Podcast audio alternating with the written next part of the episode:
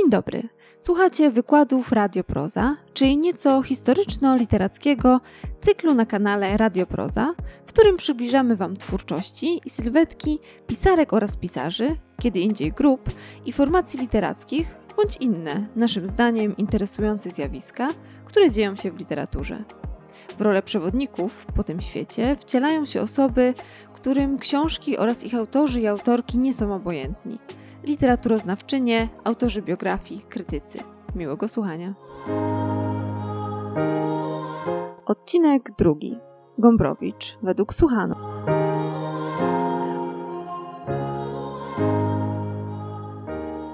Będę opowiadała o Witoldzie Gombrowiczu, o pisarzu, który y, jest prowokatorem y, w polskiej literaturze, y, człowieku, który wiele osób irytował, człowieku, który uznawany był czasami za błazna, który zasłynął na przykład z takiego powiedzenia im mądrzej, tym głupiej. Jego życie rozpięło się e, poprzez e, kilka takich miejsc geograficznych, Polskę, Argentynę i Francję i przypadło na pierwszą połowę, dosyć problematyczną z punktu historycznego, połowę XX wieku. Urodził się w Polsce, na prowincji pod Radomiem w 1904 roku w dobrze sytuowanej rodzinie z korzeniami litewskimi i ze strony matki z e, takim biznesowym, przedsiębiorczym zacięciem. E, był najmłodszym synem, e, bardzo pieszczonym przez matkę, która zresztą była jedną z takich pierwszych ziemianek feministek. Ale Witold był przez większość życia dosyć E, krytycznie nastawiony do kobiet, mówiąc e, delikatnie. E, wychowywał się więc w tej prowincjonalnej Polsce, później w samej stolicy Warszawie. I tam zaczynają się jego takie początki literackie. Tak naprawdę pisarzem zostaje w momencie, kiedy wyjeżdża na studia do Paryża i w pewnym momencie z tego Paryża ucieka, studia porzuca i wyjeżdża sobie pociągiem w Pireneje. I tam jadąc właśnie kiedyś w nocy, postanawia coś zrobić ze swoim życiem e, i wymyśla, że e, będzie pisarzem. Nie ma wtedy jeszcze żadnego, żadnych podstaw, żeby mm, się jakby czuć pisarzem. Jeszcze nawet nie zaczął tak naprawdę pierwszych prób literackich, e, ale jakoś czuje, że to być może będzie jego powołanie. Tych studiów w ogóle nie kończy. To były studia takie międzynarodowe, z których później wiele osób stawało się dyplomatami w polityce e, międzynarodowej, europejskiej, a nawet e, e, latynoamerykańskiej.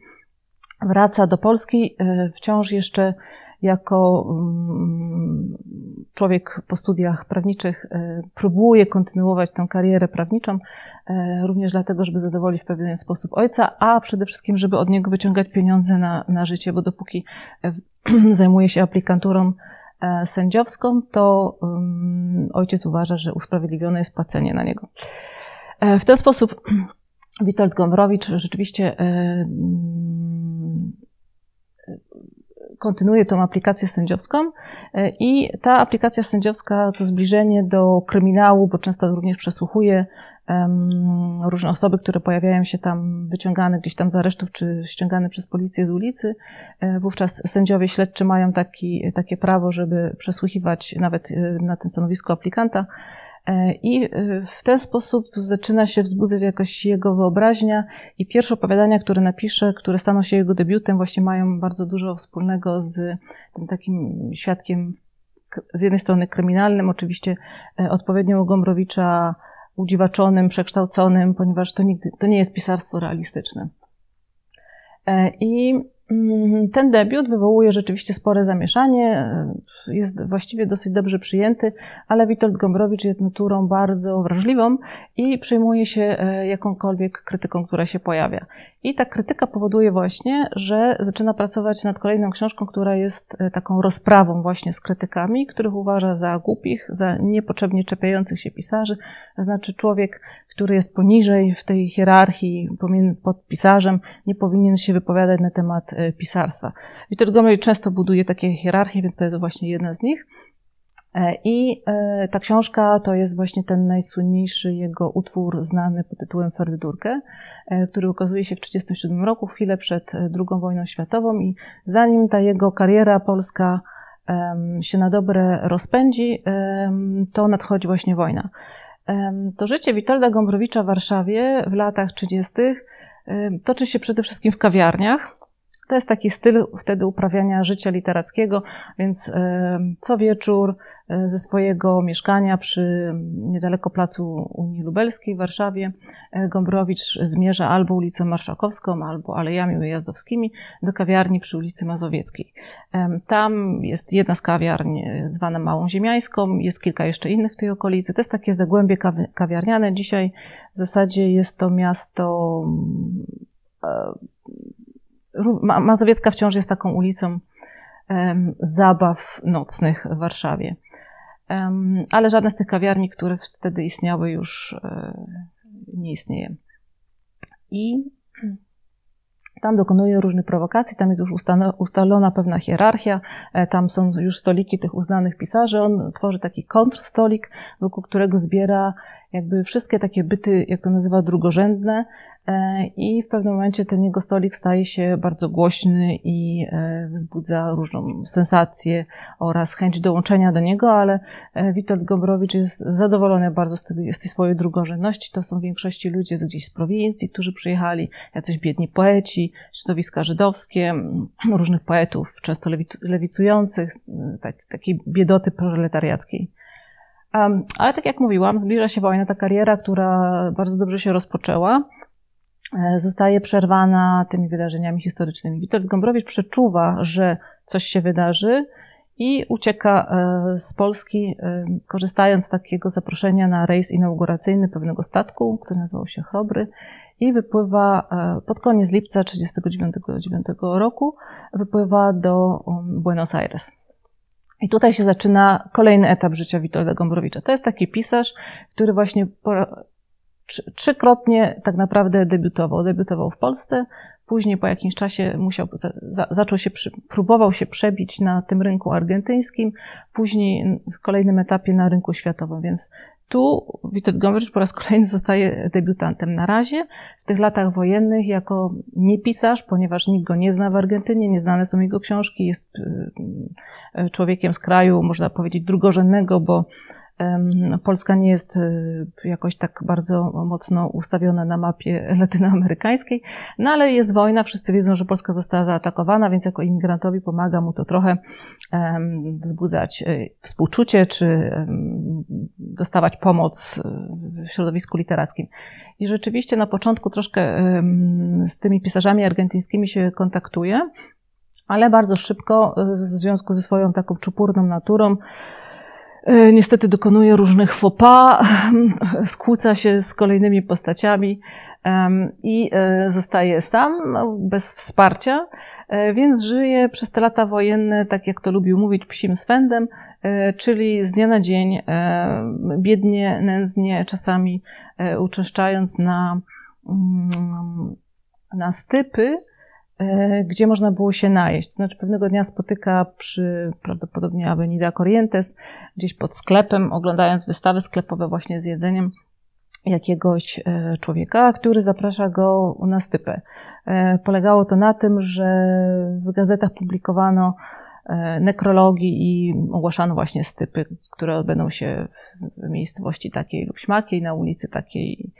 I tam tenże człowiek zapraszający Witolda się udawał, żeby się dożywiać właśnie, więc Witold również z tego korzystał.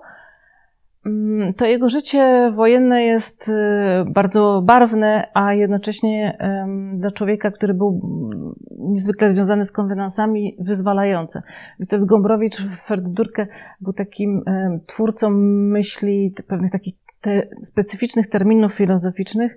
Jednym z nich jest forma na przykład. I właśnie w czasach argentyńskich Buenos Aires ma okazję wyzwolić się z tej formy. Ta forma to mogło być cokolwiek, wszelkiego typu konwenanse. E, akurat w Ferdydurka jest to szkoła, do której trafia Józio, już 30-letni, e, przyprowadzony z powrotem tam przez profesora Pimkę. Później jest to środowisko takie postępowe, mieszczańskie, e, które również demaskuje. E, później z kolei e, jego środowisko naturalne, rodzinne, czyli dworki, ziemiaństwo. I w Ferdydurkę on stara się uciec od tej formy, stosując różnego rodzaju prowokacje, na przykład ustawiając jakiegoś bezdomnego pod domem e, młodziakówny, właśnie córki tej mieszczańskiej postępowej rodziny, e, z zieloną gałązką w zębach. Nie wiadomo, co to znaczy, ale właśnie takie różne figuratywne sposoby przełamywania tej formy e, stosuje. Ostatecznie ucieka od tych wszystkich form i Buenos Aires właśnie jest dla niego taką ucieczką. E, ale jak się okazuje, od tej formy i tej gęby, który, czyli czegoś, to jest taki kolejny termin filozoficzny Witolda Gombrowicza, e, od tej gęby, którą my sami nakładamy, to znaczy nie jesteśmy nigdy naturalni, ciągle istniejemy z jakimiś maskami na twarzy, ciągle odgrywamy jakąś rolę, e, nigdy nie jesteśmy naturalni, zawsze jesteśmy w jakiejś konfiguracji ja, a ktoś drugi, który mnie obserwuje albo który ze mną wchodzi w interakcję. Od tego, jak się okazuje Ferdydurkę, nie da się uciec. To znaczy, możemy uciekać zawsze od tej formy, przybierając jakąś gębę, e, ale za tą gębą jest kolejna gęba. Dlatego często na plakatach teatralnych, ponieważ Gombrowicz jest również twórcą e, trzech sztuk teatralnych i w zasadzie jest najbardziej znany właśnie z tego na świecie, poprzez właśnie teatr. E, często na plakatach pojawia się motyw właśnie takich zdzieranych masek z twarzy człowieka. E, I to Buenos Aires jest dla niego wyzwoleniem, pomimo, że jest e, zupełną biedą, pomimo, że właśnie e, jego kariera literacka zupełnie się zatrzymała na kilka lat. Tam oddaje się swoim nowym przygodom erotycznym.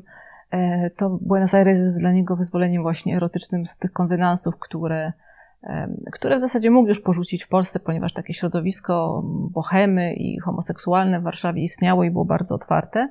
E, ale jakieś takie konwenanse towarzyskie nie pozwalały mu na to.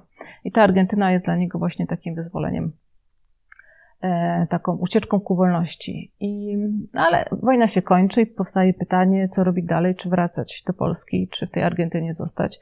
Decyduje się tam zostać, a, a wraz z, tym, z tą decyzją postanawia zająć się ponownie swoją karierą literacką. I w 1946-1947 roku dochodzi do takiego bardzo zabawnego tłumaczenia e, właśnie tej powieści Ferdydurkę na język hiszpański w Argentynie. Odbywa się to ponownie w kawiarniach, ponieważ ten tryb życia kawiarnianego zostanie Gombrowiczowi już do końca.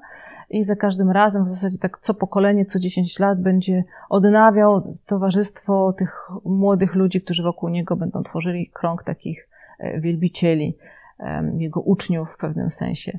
E, I w Argentynie również taki stolik posiada. Ten stolik e, ma miejsce w takim klubie szachowym, właśnie przy Avenida Corrientes, e, w miejscu centralnym, bardzo ruchliwym.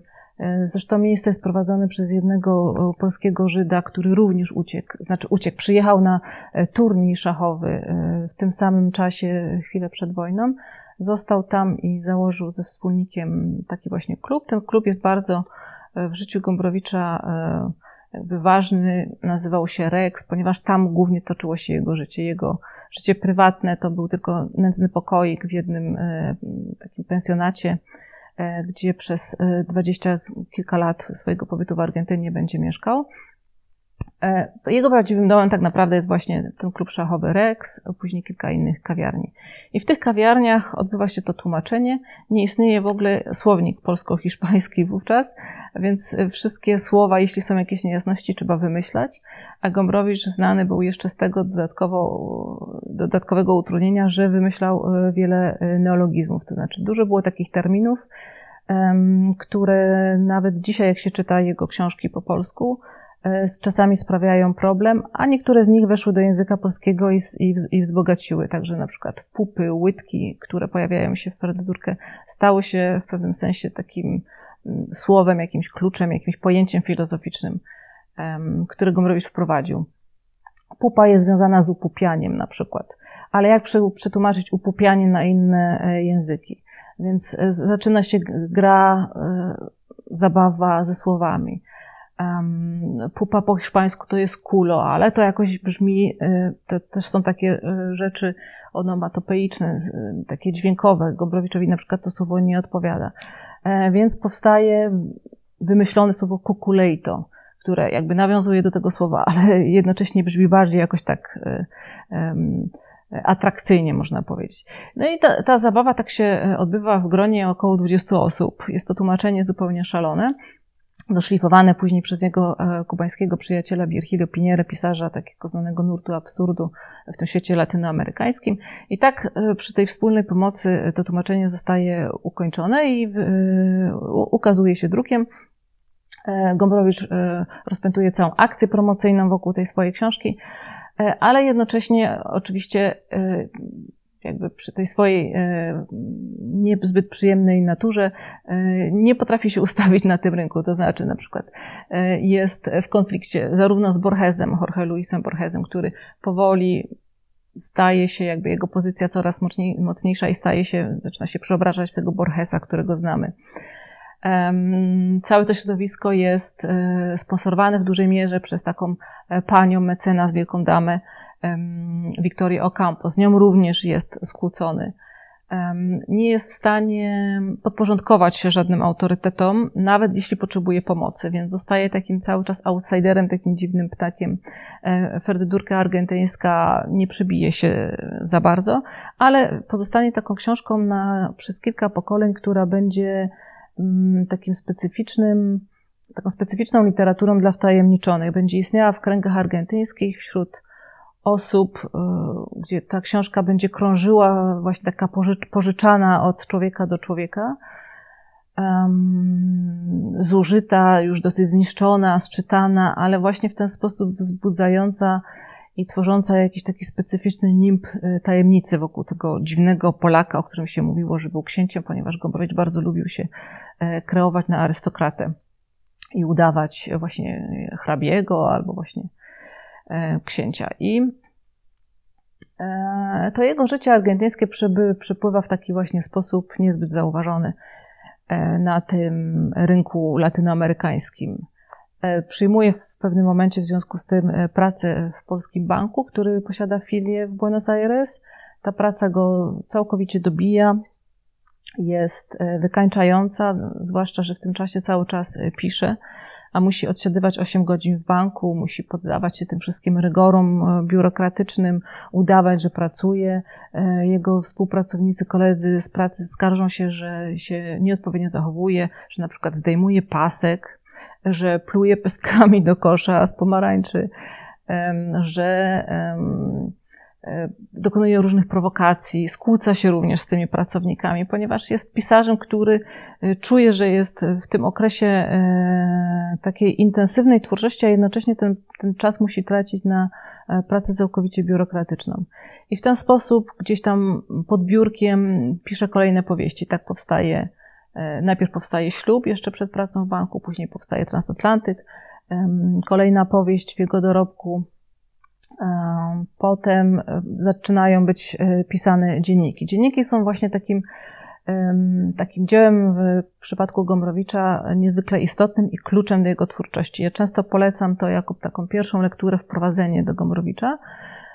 Tam jest dużo jeszcze tematów polskich, które z dzisiejszej perspektywy, a zwłaszcza dla osób e, nie, nie Polaków, mogą czasami być już zbyt niezrozumiałe, e, ale tam e, mimo tego przebija się ten zasadniczy ton Gombrowicza. To właśnie, takie, właśnie, właśnie takiego prowokatora, człowieka, który rozprawia się z całym światem.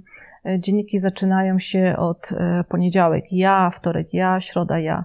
I to ja jest właśnie zasadniczym elementem w twórczości Gombrowicza. Po Ferdydurkę, kiedy w zasadzie bohater Józio główny ma dużo takich jakby cech właśnie tego prowokatora wspólnych z Gombrowiczem. E, później Gombrowicz zaczyna wprowadzać postać ja, Witolda Gombrowicza do swoich powieści i jako Witold Gombrowicz występuje właśnie w e, Transatlantyku. Rozpoczyna e, tę powieść taką, takim właśnie wstępem, że ja, ty, Witold Gombrowicz, wylądowawszy w Buenos Aires, opowiem wam historię mojego życia. I w każdej kolejnej książce bez skrupułów to jego autorskie ja pod jego własnym nazwiskiem jako bohatera jest wykorzystywane.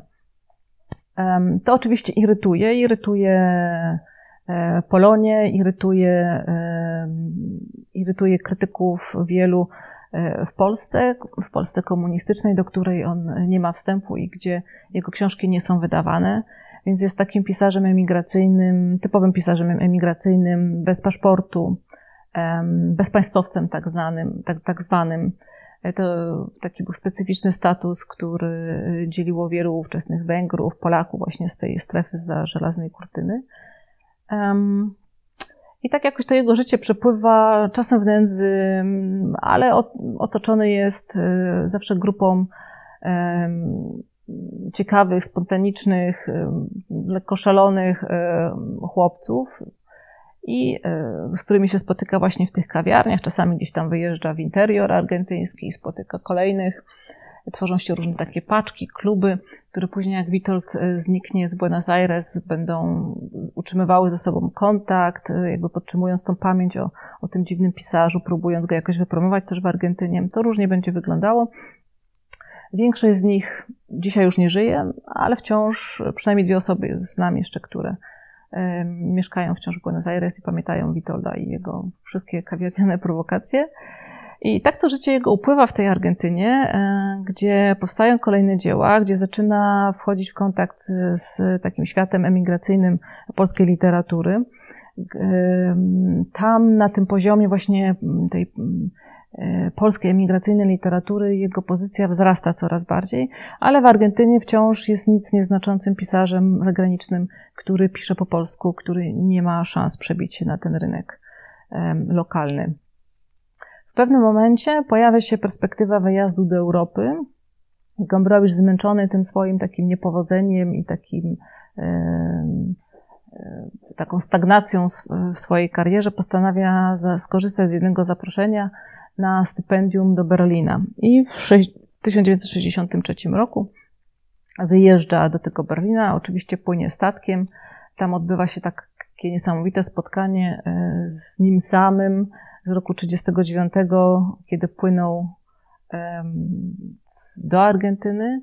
E, to jest opisane również w dziennikach, e, bardzo takie mm, literackie spotkanie człowieka z przeszłości z sobą teraz i z takim pytaniem, co dalej, i takim przeczuciem, że to jest e, ta cała wycieczka do Europy, to jest płynięcie, jak mówi, ku śmierci.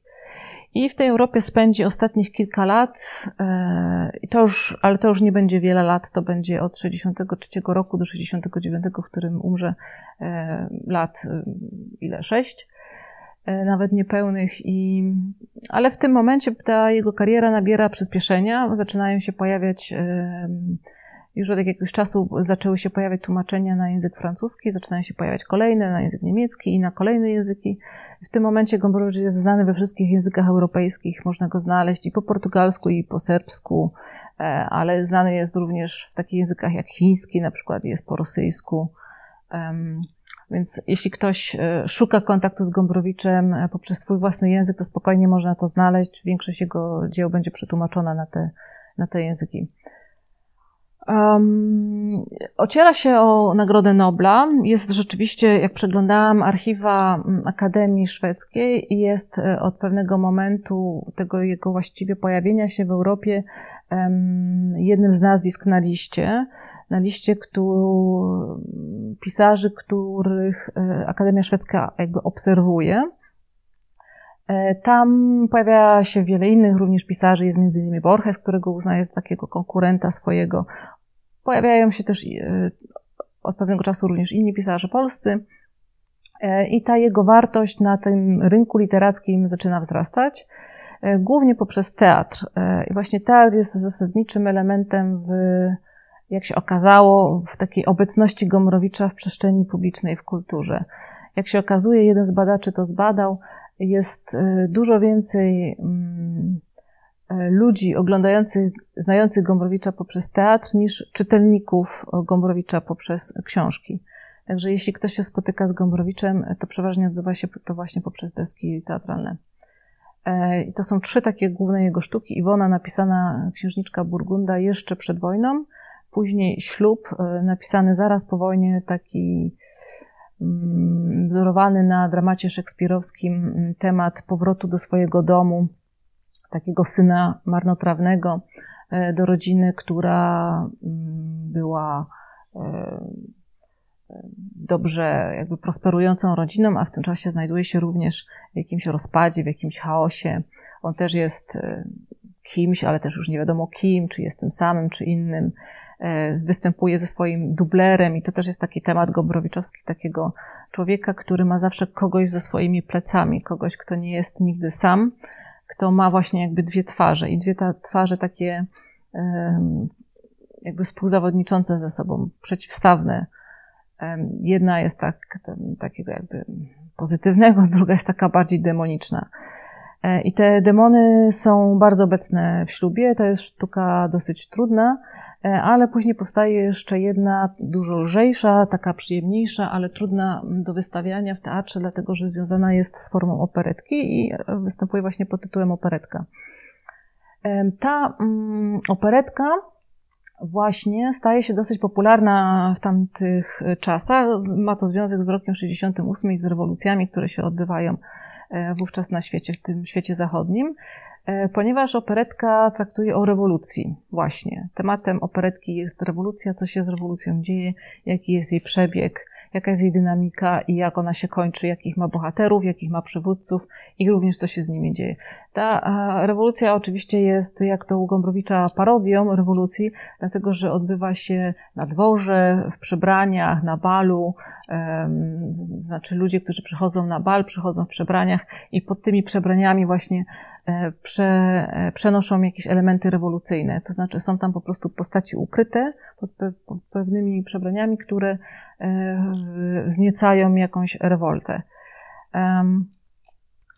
I w Szwecji w teatrze mm, właśnie Gombrowicz zaczyna się często pojawiać i ta jego pozycja E, umacnia się na tyle, że w 68, w 69 e, bardzo już się e, tak mocno szepcze o tym, że ten Nobel jest dla niego możliwy, ale niestety Gombrowicz w 69 w lipcu umiera, a Nobel rozdawany jest w październiku, więc tego nie doczekał. Nobel nie, nie, nie wręcza się pisarzom zmarłym. I w tym roku um, Nobla dostanie w październiku w 69 Samuel Beckett. Y, nie wiemy do końca, czy rzeczywiście te szanse Gombrowicza były na tyle duże, że wygrałby w tym 69, ale jakby legenda taka jest i szeptana, że y, rzeczywiście takie szanse miał. Y, ostatnie lata Witold Gombrowicz spędził we Francji i jest coś takiego w życiu Gombrowicza wśród wielbicieli jego książek, że ludzie lubią podróżować jego tropami.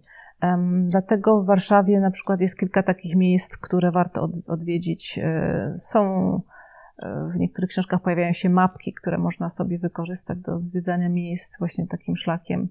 E, jest to również zrobione w przypadku argentyńskim, to znaczy można pojechać sobie do Buenos Aires i są pewne miejsca, czy te kawiarnie, czy jego miejsce zamieszkania na ulicy Venezuela 615, stają się takimi kultowymi punktami na mapie miasta mm, do, do odwiedzania dla, tu, dla turystów takich literackich, a nawet w Buenos Aires w ostatnich latach odbywają się takie e, tury literackie właśnie szlakiem Gombrowicza. E, są modne też inne, na przykład szlakiem Cortazara, czy szlakiem Borgesa, czy innych pisarzy, Arta, na przykład Roberta Arta, innego pisarza argentyńskiego. Te szlaki tych pisarzy w tym, w tym mieście się cały czas na siebie nakładały, to jest bardzo mm, w pewnym sensie smutne, kiedy przygląda się temu, ponieważ oni wszyscy prowadzą jakieś takie osobnicze, specyficzne życie, przemieszczają się po tych samych ulicach, po tych samych placach, a jednocześnie te ich drogi się nie krzyżują. E, później okaże się, że i Cortázar, i Borges, i, i Gombrowicz stają się bardzo mocnymi nazwiskami związanymi właśnie z tym miastem Buenos Aires w, tej sam, w tym samym okresie, a jednocześnie te ich ścieżki e, przebiegają zupełnie innymi torami. W Europie takimi miejscami są przede wszystkim Berlin, właśnie w którym spędza to stypendium. To jest akurat taki, taki moment, kiedy w Polsce pojawiają się, zaczyna się taka fala komunistycznego nacjonalizmu w polityce. E, I to się odbija również na Gombrowiczu, ponieważ e, pada ofiarą e, takiej prowokacji właśnie politycznej. Jego wypowiedź jest w sposób przeinaczony przedstawiona w Polsce. Dotyczy ona Niemiec zachodnich, ponieważ istnieje taki konflikt pomiędzy Niemcami wschodnimi a zachodnimi. Oczywiście te wschodnie są dobre, bo są komunistyczne, te zachodnie oczywiście są złe, bo są zachodnie. A Gombrowicz jest w tym Berlinie Zachodnim. I tam podupada na zdrowiu, ta jest prawdopodobnie telefon jego jest podsłuchiwany, dostaje też jakieś różne telefony głuche albo z jakimiś groźbami, śnią mu się rzeczy jakieś nieprzyjemne, koszmary, wojna, której nie przeżył i czuje się zagrożony i trafia, trafia do kliniki i tam rzeczywiście zaczyna się początek tego jego końca. Jako astmatyk pojawiają się u niego takie problemy, które spowodują e, za kilka lat śmierć we Francji, na południu, gdzie osiądzie, e, w miejscowości Vence. Vence jest takim miasteczkiem na lazurowym wybrzeżu, e, ale nie przy samej linii morza, tylko bardziej w górach, gdzie znajduje dom razem z mm, swoją partnerką, pierwszą w ogóle taką e, stałą, powiedzmy, e, Ritą, Labros, e, młodą Kanadyjką, która pisze tam we Francji doktorat na temat twórczości Colette, tak naprawdę motywu dzieciństwa. Jest to akurat coś, co jest bliskie Gombrowiczowi, bo Gombrowicz jest właśnie w tych swoich specyficznych terminach filozoficznych również twórcą takich mocnych pojęć dojrzałości i niedojrzałości, wyższości i niższości, znaczy zawsze ten dualizm taki hierarchiczny u niego występuje. E, I on oczywiście jest piewcą tej niedojrzałości i piewcą tej niższości, to znaczy tych parobków, którzy pojawiają się w Ferdedurkę, czyli nie tych chłopców z dobrych domów, tylko tych, którzy chodzą boso, umorusanych, ale w których jest jakieś prawdziwe życie. E, I tak samo niedojrzałości jako tej, która ma się przeciwstawić tej dojrzałości rozumianej na przykład jako wysoka kultura, albo właśnie jako jakiś autorytet, jako jakaś powaga profesorska. I on zawsze występuje jako ten wielbiciel e, tych e, rozbijających raczej motywów, jakieś, jakieś skostniałe, rozbijających jakieś skostniałe systemy. Więc e, temat i sama młodość Rity Labros są jakby takim powiewem kolejnej fazy młodości, powiedzmy, w jego życiu, chociaż ma już lat około 60.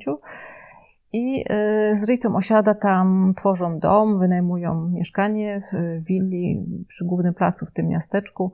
W tym momencie w, tej willi jest taki dom kultury, trochę takie centrum turystyczne, więc jest to kolejny taki punkt na mapie do e, podróżowania z Gombrowiczem. E, ale ostatecznie umiera w mm, innym mieszkaniu, które muszą wynająć, e, dlatego że Gombrowicz pod koniec życia nie jest w stanie już wychodzić z domu, nie jest w stanie pokonać schodu, przeprowadzają się do willi, gdzie jest winda i, gdzie jest duży taras, gdzie jest szansa na to, że może jakoś y, być w kontakcie ze światem, ale tam spędza tak naprawdę już tylko ostatnie miesiące i umiera w lipcu. E, tak jak urodził się podczas fali wielkich upałów w 1904 roku w sierpniu, tak i kończy życie właśnie w wielkich upałach którym towarzyszą w niektórych miejscach pożary, także jest coś takiego symbolicznego w tym początku i w tym końcu, że e, i wtedy, i później jest to związane z falą upałów, tak jak na przykład teraz podczas tego nagrania mamy. E, I e, tam również na cmentarzu można odnaleźć grób Witolda Gombrowicza. Stoi pod taki, znaczy jest umieszczony pod takimi wysokimi cyprysami. E, nie ma tam żadnej mapki, żeby ten grób znaleźć, ale myślę, że jak się popyta albo że jak się ma jakieś zdjęcia, e, to można na ten grób trafić. E, jest z tym grobem też związana pewna historia, którą opowiadała mi Rita Gombrowicz. Ona jest ciekawa, dlatego że Gombrowicz był ateistą. I oczywistym było, że chowanie go na cmentarzu i później kwestia nagrobka będzie bez e, krzyża. Niemniej Rita Gombrowicz e, miała nieprzyjemne przygody z e, Polakami mieszkającymi tam w tej okolicy, którzy zaczęli grup odwiedzać i zaczęli w sposób dosyć nieprzyjemny mm, zostawiać jej sygnały, na przykład kładąc na tym grobie kamiennym jakieś ogromne krzyże, albo świeczki, albo jakieś tworząc różnego rodzaju prowokacje sugerujące, że e, krzyż powinien się tam pojawić.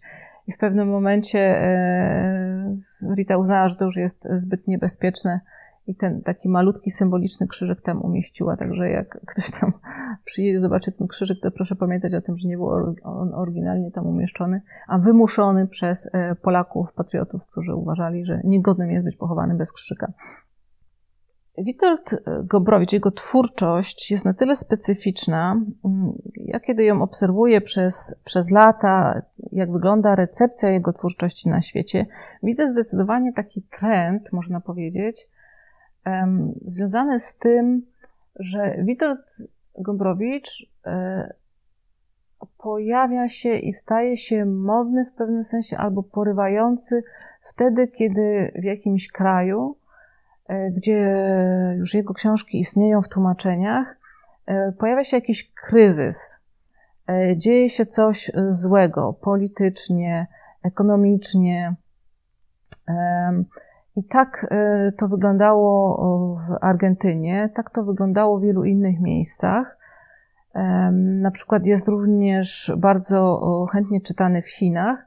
Także ma taką jakąś właściwość, że w czasach niespokojnych, kiedy taki porządek ustalony, właśnie ten porządek, który on często atakował, się zaburza, e, to on jako taki prowokator, demaskator, człowiek, który zdejmuje maski, który dąży i zmierza ku temu, żeby nazywać rzeczy po imieniu, żeby odkrywać, jakimi są naprawdę, staje się pisarzem właśnie potrzebnym w takich czasach, w takich momentach. To jest bardzo ciekawa właściwość e, twórczości Witolda Gombrowicza. E, w Stanach na przykład zaczęły się jego wydania gdzieś ponad 10 e, lat temu poprzez wydawnictwo Yale Press, bardzo dobre, ale akademickie. I w momencie, kiedy mm, za, za, zaczęło się całe zamieszanie wokół wyborów Trumpa i tak dalej, miałam sygnały, że, że Gombrowicz jest jakimś tak, taką pomocą w zrozumieniu świata w stanie chaosu. E, on nie, nie dostarczy nam żadnych odpowiedzi, nie dostarczy nam żadnych rozwiązań, ale dostarczy nam narzędzia ku temu, żeby umieć rozbrajać e, na przykład kłamstwa, manipulacje, jakieś e, górnolotne e, słowa właśnie. E, Gombrowicz jest doskonałym rozbrajaczem min, taki można powiedzieć mm, człowiekiem, którego się, jak się wpuści do salonu, to zawsze będzie tą osobą, na którą zwróci się uwagę, która, która będzie tam mm, rozbijała ten salonowy konwenans. E, więc jest takim pisarzem nadającym się na czasy trudne. W Polsce również były, miał różne przygody, bo w czasach komunistycznych nie był wydawany. Przez chwilkę, w momencie takiej odwilży, pojawił się w 1956-1957 roku.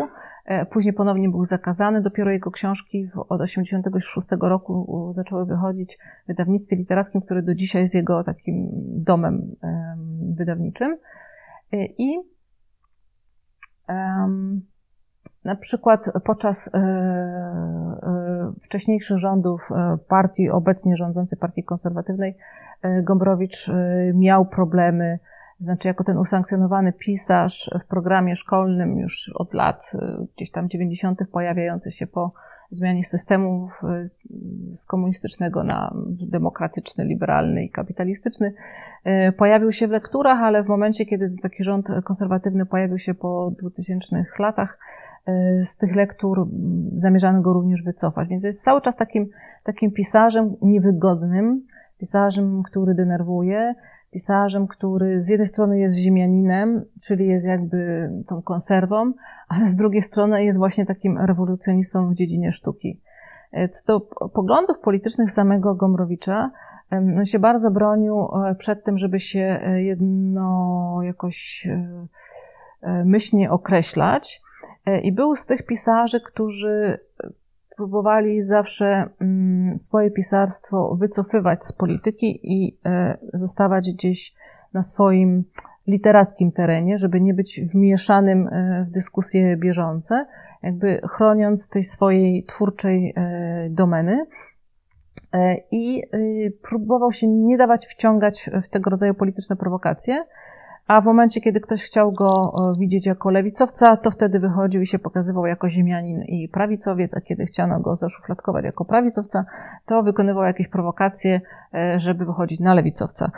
Więc e, nie dało się z Gomrowiczem takich operacji dokonać, aczkolwiek cały czas odbywają się takie próby.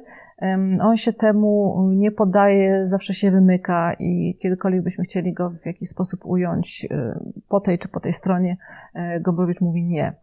E, ale w życiu prywatnym, kiedy dopytywałam Ritę Gombrowicz, jakie naprawdę poglądy polityczne Gombrowicz miał, e, czy ujawniał je w życiu prywatnym, e, okazało się, że tak, ale nie był to taki akcent, który mocno się wybijał. Gombrowicz uważał, że najlepszym systemem jest taki parlamentaryzm brytyjski. I dodawał zawsze, że jako wywrotowiec w dziedzinie sztuki on nie może być konserwatystą w dziedzinie polityki. Jest to taki komentarz do naszych czasów y, obecnych, niezwykle politycznych. Mm, Gombrowicz wciąż przede wszystkim funkcjonuje jako twórca teatralny i y, w teatrach jest grany i w teatrach na dużych scenach, i w teatrach ofowych. E, także jeśli ktoś chce do Gombrowicza się zbliżyć, to chyba jest najlepszy sposób spróbować w ten sposób, właśnie poprzez teatr.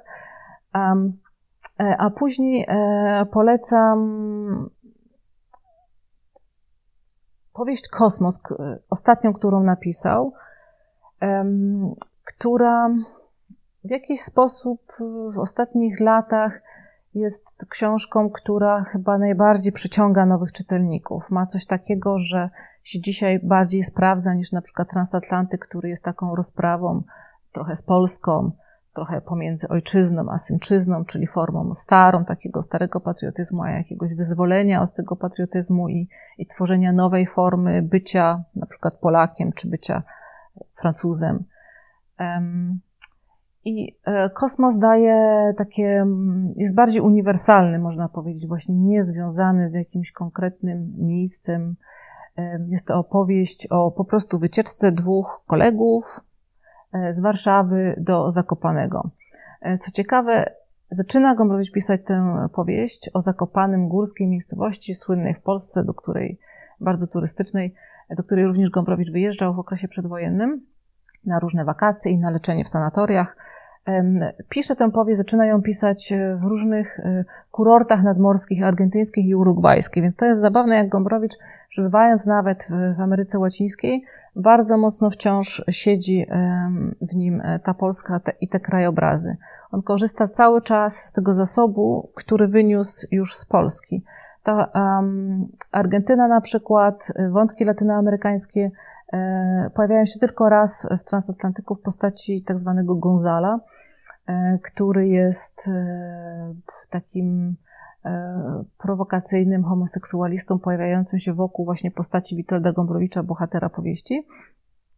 I to jest jedyna taka postać latynoamerykańska, ale e, cała ta reszta wynika z jego wyobraźni już ukształtowanej w tym okresie przedwojennym. On nie jest w stanie przed tym uciec. Ale pisanie Gombrowicza to jest taka metoda mm, lekko surrealistyczna, można powiedzieć. To znaczy, on korzysta z wolnej wyobraźni. Zaczyna powieść pisać w ten sposób, że tworzy jakąś pierwszą scenę, nie ma odpowiedzi, co będzie dalej, nie wie jeszcze, jaka będzie historia, tylko jakby od sceny e, e, porusza się do następnej sceny. Znaczy, z każdej z nich wyciąga jakieś elementy, które zaczynają tworzyć e, kolejne etapy, kolejne sceny. I w tej powieści Kosmos takim elementem jest motyw wróbla wieszanego gdzieś na gałązkach, który staje się takim motywem śledztwa tych dwóch bohaterów. To śledztwo nie zaprowadza ich oczywiście do niczego sensownego, bo wszystkie te motywy śledztwa u Gombrowicza, które wynosi właśnie z tych swoich aplikanckich lat, to nie są normalne, typowe śledztwa i one nie mają tak naprawdę na celu odkrycie żadnej zbrodni, tylko w, na przykład w przypadku kosmosu te ślady właśnie do zbrodni doprowadzą. Um, um, nie będę opowiadała całej powieści, bo książki sobie trzeba czytać, ale jest też jako podpowiedź e, film e, reżysera polskiego e, Żuławskiego, Andrzeja Żuławskiego, nakręcony, ostatni jego film, nakręcony tak naprawdę w górach w Portugalii, nie w polskim Zakopanem, który, który to film jest pewną formą raczej adaptacji tak naprawdę powieści niż wiernym trzymaniem się tekstu, ale w jakimś takim specyficzny, w jakiś taki specyficzny sposób Ala Żuławski um, oddaje to szaleństwo kosmosu. Um, więc to również może być jakiś wstęp w świat wyobraźni Gombrowicza. Żuławski tam dokonuje takich śmiesznych e, przesunięć, e, ale okej, okay, to też nie będę komentować, zostawiam do obejrzenia. E, dzisiaj Gombrowicz ma swoje miejsce, jest uznawany za polskiego klasyka, razem z Czesławem Miłoszem, poetą, noblistą, E, są największymi pisarzami XX wieku. To są takie dwa nazwiska, które przede wszystkim są znane e, w tym świecie literatury e, światowej. W przypadku Gombrowicza ta recepcja jest trudniejsza, dlatego że i jego język, i jakby sposób zbliżania się jest utrudniony poprzez ten specyficzny świat właśnie takich neologizmów, jakichś wynaturzeń, przekręceń, takich e, egzystencjalnych, filozoficznych, egzystencjalnych stawek, które pojawiają się zanim Sartre e, e, egzystencjalizm zdążył jeszcze wymyśleć, czyli Ferdurka jest pełna takich, takich egzystencjalnych tropów i Gombrowicz później, kiedy Sartre się pojawia, zaczyna mówić, że przepraszam bardzo, ale ja byłem pierwszym egzystencjalistą, ale w momencie, kiedy pojawia się na przykład strukturalizm, to mówi, ale przepraszam, ja też byłem pierwszym strukturalistą, był rzeczywiście promotorem idei, e, które w XX wieku zaczęły się rozwijać, tak na przykład e, groteski. Ta groteska również u niego zaczęła się pojawiać, czy jakieś elementy absurdu, zanim e, pojawiła się fala teatru absurdu. Mm, więc dużo jest w nim takich elementów, które, z których zbudowana jest literatura XX wieku. U niego się pojawiają jako takiego nowatora, eksperymentatora. Do, do Gombrowicza, do świata Gombrowicza e, trzeba się zbliżać e, z pewnym e, przygotowaniem na to, że będzie to spotkanie z czymś zaskakującym, z czymś nowym. To nie jest twórczość, która mieści się w takich szablonach, w kategoriach, które znamy i z którymi nauczyliśmy się obcować. Więc to jest podróż w nowe, w nieznane, ale podróż niezwykle fascynująca, która wielu ludzi uwodzi, która mm, pozostawia bardzo duże pole do, mm, do kształtowania siebie, nawet jako człowieka. Ja zaczęłam czytać Gombrowicza, jak miałam lat 15 i mam wrażenie, że został takim moim duchowym ojcem, że pozwolił mi się przejść przez życie jakoś tak wyzwalając się, dystansując się do wielu również rzeczy. Gombrowicz jest pisarzem takiego dystansu, bardzo też zdyscyplinowanego do siebie samego, do patrzenia na siebie samego tak, z taką pełnią świadomości, kim naprawdę jestem, właśnie poprzez to, że z jednej strony ma świadomość, że tych masek można nakładać bez liku i takiego wiecznego poszukiwania tego swojego prawdziwego ja, którego nigdy nie można znaleźć tak naprawdę. Więc takie poszukiwanie, uciekanie od tego, jednocześnie po prostu takie życie w ruchu, w ruchu krytycznym, w ruchu, który zmusza nas do ciągłego zastanawiania się, e, kim jesteśmy my w stosunku do świata, e, co świat robi z nami. Jest tam dużo pytań, ale nie znajdziecie tam e, konkluzji ani odpowiedzi, które Was uszczęśliwią, ale za to zmuszą do tego, żeby na, na samym sobie dokonywać takich operacji, wiwisekcji, próby przeżycia mm, swojego losu w jakiś sposób świadomy. Nie będzie to łatwe, ale będzie to na pewno ciekawe.